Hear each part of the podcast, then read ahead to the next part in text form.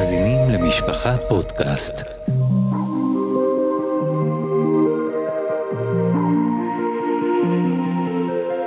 לב אל הנשמה, הרב נוח פלאי בשיחה על סוגיות בחינוך עם המשגיח הרב ראובן לויכטר. שלום, אנחנו uh, בפרק שלישי uh, בסייעתא דשמיא בסדרה שלנו, לב אל הנשמה. Uh, כשהפעם אנחנו uh, uh, נרצה לעסוק ולדבר על uh, בחור, לצורך העניין, בחור או בחורים, שעל פניו, באופן, מבחינה חזותית, חיצונית, הוא בחור ישיבה לכל דבר. הוא לבוש כבחור ישיבה, הוא מדבר כבחור ישיבה, uh, הוא נראה כבחור ישיבה. אבל כשאתה מדבר איתו ויושב איתו לשיחה גלויה, ומדבר איתו על עצמו, על השאיפות שלו, על הראייה שלו, איך הוא תופס את עצמו בחיבור לישיבה, לעולם התורה בכלל, אז אפשר לומר ככה בצורה קצת גסה שהוא מנותק, הוא לא מחובר. כלומר, הוא יכול לומר לך, כן, אני נמצא בישיבה, כי זה כעת, זה המסגרת שכל האחים שלי היו, כי אני בסופו של דבר צריך להתחתן עם, עם בחורה שתיקח רק בחור שלומד בישיבה, כי ההורים שלי רוצים נחת, כי בסך הכל טוב לי, אין לי שום דבר לא רע לי. אבל אם אתה שואל אותי בפועל כמה אני ממצה את עצמי בישיבה, התשובה היא לא, לא מאוד הרבה. לפעמים השאלה תהיה, התשובה תסתכם בזה שבשעה ביום, לפעמים בשעתיים ביום, ולפעמים גם בזה לא.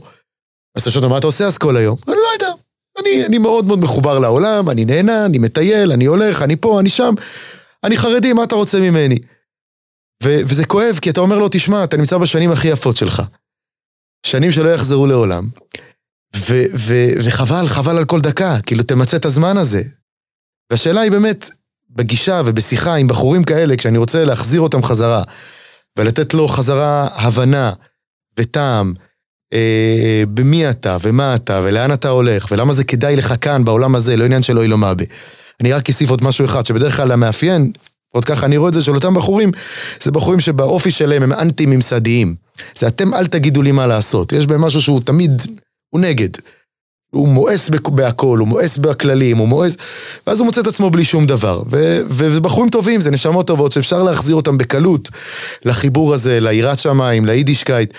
אה, ורק מחפשים משהו אמיתי, הוא מחפש לדבר איתו בשפה האמיתית. אז השאלה באמת איך עושים את זה, איך, איך ניגשים לסוג, לסוגיה הזאת. זה עוד פעם, זה תלוי בבחור, אבל אני נותן אולי דבר כללי. דבר כללי ש, שזה המחנך, אז צריך להיות מאוד ברור לו שהוא מאמין בזה. זהו הדבר לא פשוט. גם בשביל כל אחד, כל יהודי נמצא בעולם, זה דבר לא פשוט. הבחור כזה, יש לו בעיה עם הראייה שלו על העולם.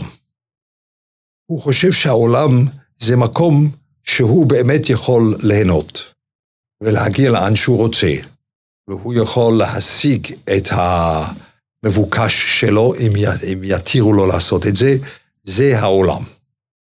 דהיינו, הוא כאילו עומד במרכז ומנהל את ענייניו מול העולם. אני חושב שבאמונה זה לא נכון. האמונה נותנת שהעולם מסתכל עליי, לא אני מסתכל על העולם מסדר אותו, אלא העולם מחנך אותי.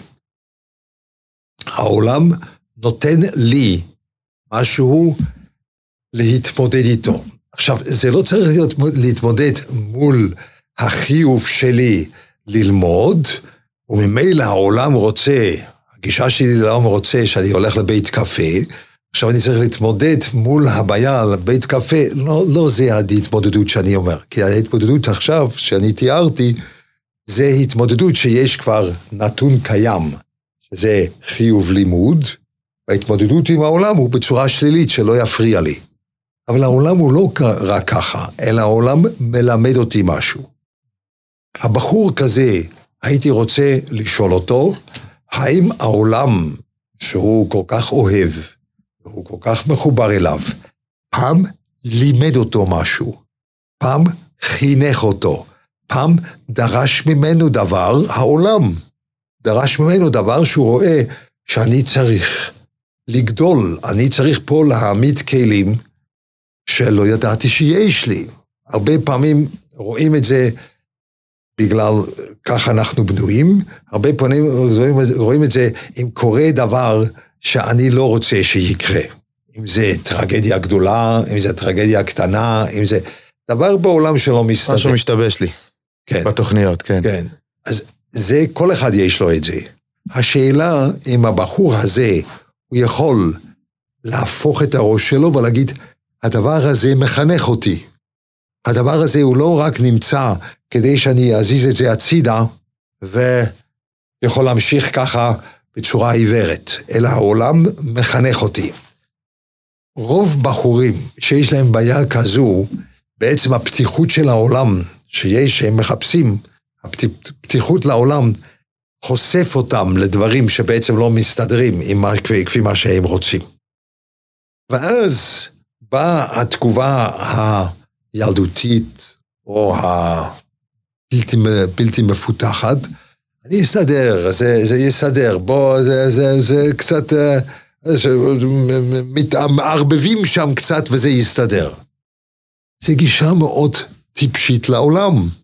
לא לישיבה ולא ל... לא בכלל לחיים, כן. אלא בכלל לחיים. אז פה אני הייתי מדבר עם בחור כזה, מה העולם לימד אותך? ופה נראה איך אנחנו יכולים להתמודד מול הדברים האלו שהעולם לימד אותך.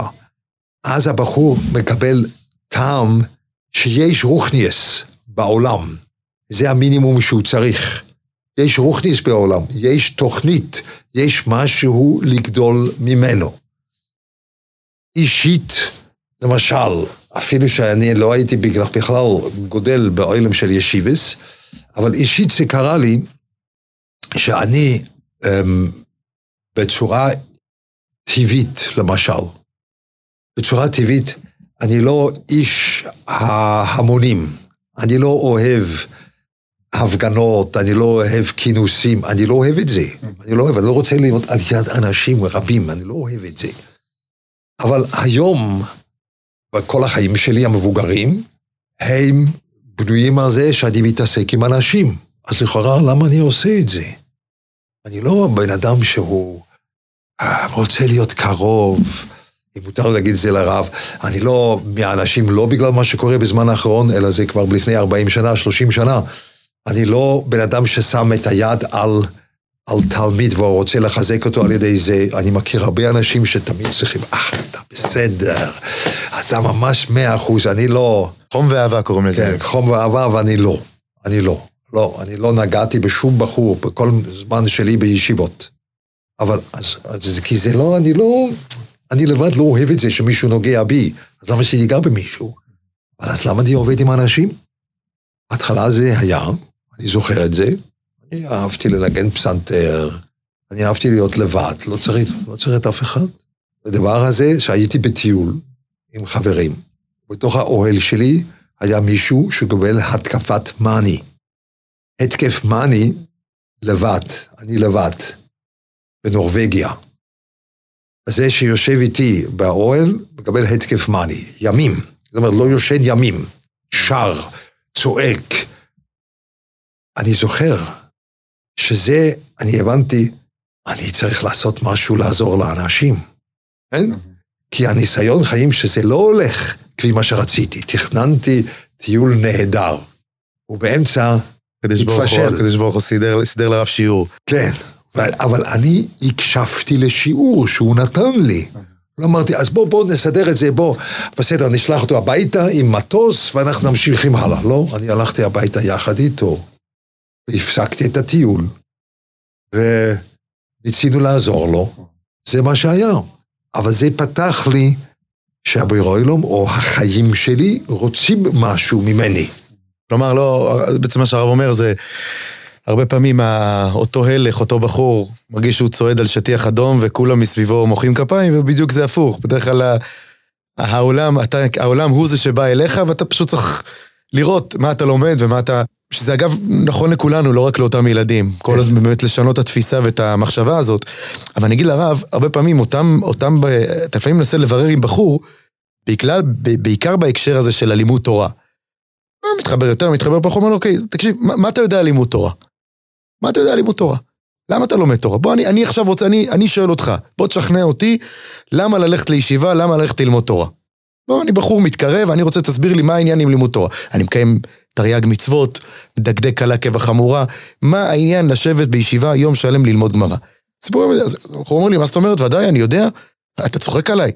רואים, אז, אז בפעם האחרונה שזה היה, זה היה בחור שהסביר לי במשך ממש כמה דקות ארוכות, ש, ש, שכיסא הכבוד הוא חסר, ו, ואנחנו באנו לעולם בשביל, עם ישראל הגיע לעולם כדי לתקן ולהשלים את החסר בכיסא הכבוד.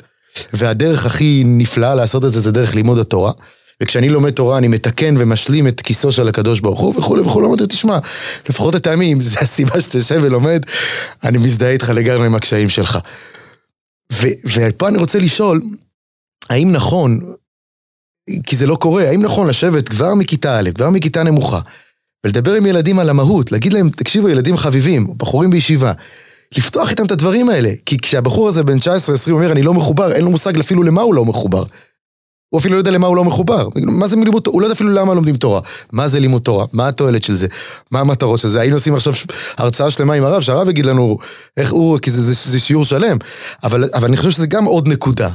בחורים באמת לא מבינים שאלות בסיסיות, מהותיות, שנוגעות ל... אולי, אולי עושים סמינרים לחילונים, אבל הם צריכים לעשות סמינרים אה, לבחורים. שאלות בסיסיות, למה העולם נברא? בשביל מה לומדים תורה? מה תכלית האדם? וכולי וכולי וכולי. אני רוצה להגיד ש... אני התמודדתי עם השאלות האלו בצורה אישית בבית בשולחן שבת. זה, אלו היו הדיבורים בשולחן שבת, ושם זה השאלה, מה זה נותן לי? מה יותר ללמוד תורה? מה זה יותר טוב ללמוד תורה מללמוד דברים אחרים? זה לא בדיוק הלך מסביב לכיסא הכבוד, זה לא היה זה, אבל זה היה מכל מיני דברים שהילדים שלי, וזה היה גם כן, מה אתה אומר, מה אני אומר, וזה הדיבורים. נכון, אם ילד חסר בכלל את הפן, קוראים לזה השקפתי, אבל זה, זה גם כן, השקפה זה בעצם אני משקיף על העולם, לא העולם. זאת אומרת, מה התרא רוצה ממני? מה הביר העולם רוצה ממני? מה זה, לא רוצה ממני במצווה, אלא מה התוכנית שלו כלפיי? מה התוכנית שלו? מה הוא רוצה שהוא אומר לי, תלמד תורה? אם אני לא מודע לזה, נכון, אז זה יותר קשה להתחבר, אני מסכים. אבל אני התמודדתי עם זה בצורה אישית. בישיבה, אני התמודדתי עם זה שזה שמסרתי שיחות או ועדים על, הנושא. אבל אמ, אני חושב שהעיקר זה היה שהילדים שלי, אני, מותר לי להגיד את זה, אני רואה לפעמים אנשים שיש להם פלאפון, והם, והם uh, מתקשרים הביתה, או למה יש פלאפון? מה לקנות בחנות, או מה לעשות, מתי לבוא הביתה, אני מהמאוחר. הילדים שלי ראו שלי יש טלפון כי היה לי איזושהי קושייה או איזשהו דבר חדש שחידשתי, וחיפשתי עם מי אני יכול לחלק את זה. אז אני באמצע אוטובוס יכול לעשות את זה, אני באמצע בבוקר מוקדם, אז אני צריך לצלצל או לוס אנג'לס, כי בשבע בבוקר אתה לא יכול לצלצל לאף אחד אז היה לי חברים בלוס אנג'לס, צלצלתי אליהם. ואז הילדים ראו, לאבא זה מעניין. זה מעניין, ולא בגלל שהוא מחויב, אלא בגלל שהוא מוצא פה דברים מעניינים מעסיקים אותו. זה אני חושב שנתן להם, בלי השקפה גדולה, אלא בעצם החוש, חשו שתראה, זה באמת דבר מעניין. אבל יחד עם זה הייתי פתוח לדעות של מישהו אחר, כי זה באמת מעניין אותי. לא מעניין אותי מה שאני אומר, מעניין אותי מה התראה אומרת. זה מאוד מעניין. אז זה מה שיצר את זה קצת, ההזדהות עם לימוד תראה. לא השקפה גדולה, אלא חוויה שנמצאים יחד עם מישהו. אז באמת, אז באמת, כאילו, מה שהרב אומר זה, האם יש פה המלצה להורים על לא לפחד, לפתוח שיחות כאלה סביב השולחן השבת. אה, לא בטוח שלכל הורה יש את התשובות לכל שאלה, לא כל אחד מוכשר יודע איך לענות, כן. כן. אה, לפעמים הוא יכול... אגב, מותר להגיד גם אני לא יודע, אני אברר לך, זה, זה גם אגב חינוך מאוד מאוד יפה, שאבא לא יודע, ואני מעריך את השאלה שלך, ואני מכיר ב, בהתמודדות שלך, ואני אספק לך תשובה, או שאני אשלח אותך למישהו אחר שייתן לך תשובה. אבל כן, כן לתת את, ה, את המענים האלה היום, כן, כן, כן, כן לדבר על שכן, זה. אני חושב שכן. אבל זה הולך בצורה ידידותית יותר על, על, מסביב לשולחן בתור משפחה, ומה שזה הולך במוסד, ששם תמיד הבחורים הרבה פעמים חושדים שהמוסד מעוניין במוסד ולא בהם. ואני מקווה שמשפחות יכולים ליצור את האווירה שאני מעוניין בך ולא במשפחה שלי. כן. זה יותר טוב בבית, אבל אולי גם במוסד אפשר לעשות את זה. כשהשיח הוא בסופו של דבר, באמת, שוב, אני חשוב לחדד את זה. אם אנחנו מדברים סביב עניינים של לימוד תורה ו- והשקפה ועבודת השם, בעיקר סביב האתגרים של הדור שלנו, שיש כזה הצפה בחוץ של פיתויים והתמודדויות ו- ואין סוף של... uh, אתגרים שמיוחדים ומאפיינים, לא שבדורות קודמים לא היה, אבל לא, יש לנו את האתגרים המיוחדים שלנו. אז השאלה, האם באמת הפן הוא להציע לילד ולומר לו, לילד, לבחור, לדבר איתו על, ה, על, ה, על למה זה טוב, הרב, הרב אמר, תראה, הנה, תראה איזה חביבות יש לי בזה, איזה שמחה זה נותן לי, איזה אתגר אינטלקטואלי, אבל דברים שמופשטים, או כמו שקורה הרבה פעמים, שאומרים לך, לא, לא, לא, לא, לא, אוי ואבוי לך אם אתה תיקח את השיח הזה לכמה זה כיף ללמוד תורה. פעם מישהו העיר לי על זה, כתב לי מכתב חריף, איך כתבת שזה כיף ללמוד תורה? איזה מין דיבור זה? מה זה כיף? זה, זה תכתוב שזה זה, זה דברים, את ההסברים הגדולים, זה אוי לו מבה, וזה קיום האוילום וכולי וכולי. אני לתפיסתי... העגלי טל אומר בהקדמה, שליהנות מלימוד זה חלק מהלימוד. אז העגלי טל כבר מטפל בזה. כלומר, זה לגיטימי וזה בסדר גמור לבוא ולהגיד, כן, אומר. שווה לך כי זה טוב וזה נעים ונחמד וזה כיף פה, בעולם זה, הזה. זה של כן. האגלטל. כן. הוא אומר שזה חלק מהמצווה ליהנות, והערב נו. בפינו, הוא, הוא, כן. הוא מעריך על זה. ונהנה בהשגוסוי תכליס הנוע, הרמב"ם במצווה, ספר המצווה, הוא אומר. יש, יש גם את הגמורה, אני חושב שזה בגמרא בבוא במציע שם, שמספרת סיפור שלם על גדולי עולם שירדו לשדות לחפש אה, נערים. שם הנכד של רב שמעון בר יוחאי, ושם זה גמרא עם ריש שם. ושם באמת אתה רואה שה... אני לא יודע אם זה אותו סגנון, אבל לא משנה, בחורים שהם נשמות טובות, שמנותקות, והשיח איתם, להחזיר אותם לבית המדרש, היה הכי אוי לו מה זה שיכול להיות. יהיה לך רביד זה, להוא הבטיחו כסף, ולשני הבטיחו שידוך, ואף אחד לא דיבר שם על אוי לו מה ולא מושגים גבוהים, אלא דיברו איתם ב... להביא ראייה ככה, מהגמור זה קצת קשה. אבל נכון, אבל נכון, אבל, אבל אני חושב שליהנות מהלימוד זה חלק מהלימוד. וליהנות מהלימוד זה חלק מהלימוד, וזה אפשר להדגיש, אבל יותר כדאי שהילד רואה את זה. אצל האבא, ולא רק מדגיש את זה בשיח. אז אנחנו נסכם את, ה, את הפרק, ה, הפרק השלישי הזה, פרק מעניין וחשוב מאוד. אה, אליך, בחור ישיבה שמאזין לנו, הורה, מחנך. באמת, בחור שמרגיש את מין תחושת אדישות, או ניתוק, או חוסר שייכות, או אני, אני מנהל, אני מוביל, אני יודע. אז באמת, הסיכום של הדברים הוא שא', להתחיל להתבונן, להתחיל לראות לא רק אה, איפה כל העולם סביבי ואני קובע מה יקרה, אלא להבין שהעולם גדול עליי. אה, העולם הוא זה שמחנך אותי. אה, הקדוש ברוך הוא, דרך העולם, מלמד אותי ומראה לי דברים, ולצאת מההסתכלות הזאת, אני ואפסי, ולהתחיל לראות מה קורה סביבי, זה דבר ראשון. ודבר שני זה גם דרך ההורים, שוב, כמקום חשוב, כשהילד רואה ומזהה את ההורים שלו. הרב דיבר על זה שבישיבה קצת לילד יותר קשה לראות אה, במחנך רק את המחנך, הוא רואה אותו גם כחלק מהממסד. אבל בהורה, במשפחה תקינה, אז הוא רואה את ההורה שלו, כן, כדמות אובייקטיבית שרואה את טובתו, וכשהוא רואה את האבא שמח ומחבב ומתמוגג ונהנה בלימוד, לא ממקום, אה, קוראים לזה היום צול, כן? לא מקום מפוחד, ולא, אלא באמת, זה תענוג החיים, שמחת החיים הכי גדולה. ואז זו דוגמה אישית, וזה דבר גדול ונפלא וחשוב. ונקודה שלישית שדיברנו עליה גם זה באמת להתחיל לראות כמה ילדים שלנו מבינים את הבסיס, את המהות של החיבור, למה בכלל להתחבר. וזה כדאי לעשות את השיח הזה, לא לפחד ממנו, לדבר, להתמודד איתו, רק טוב יכול לצאת מזה. תודה רבה, יישר כוח לרב, בשר בשורות טובות.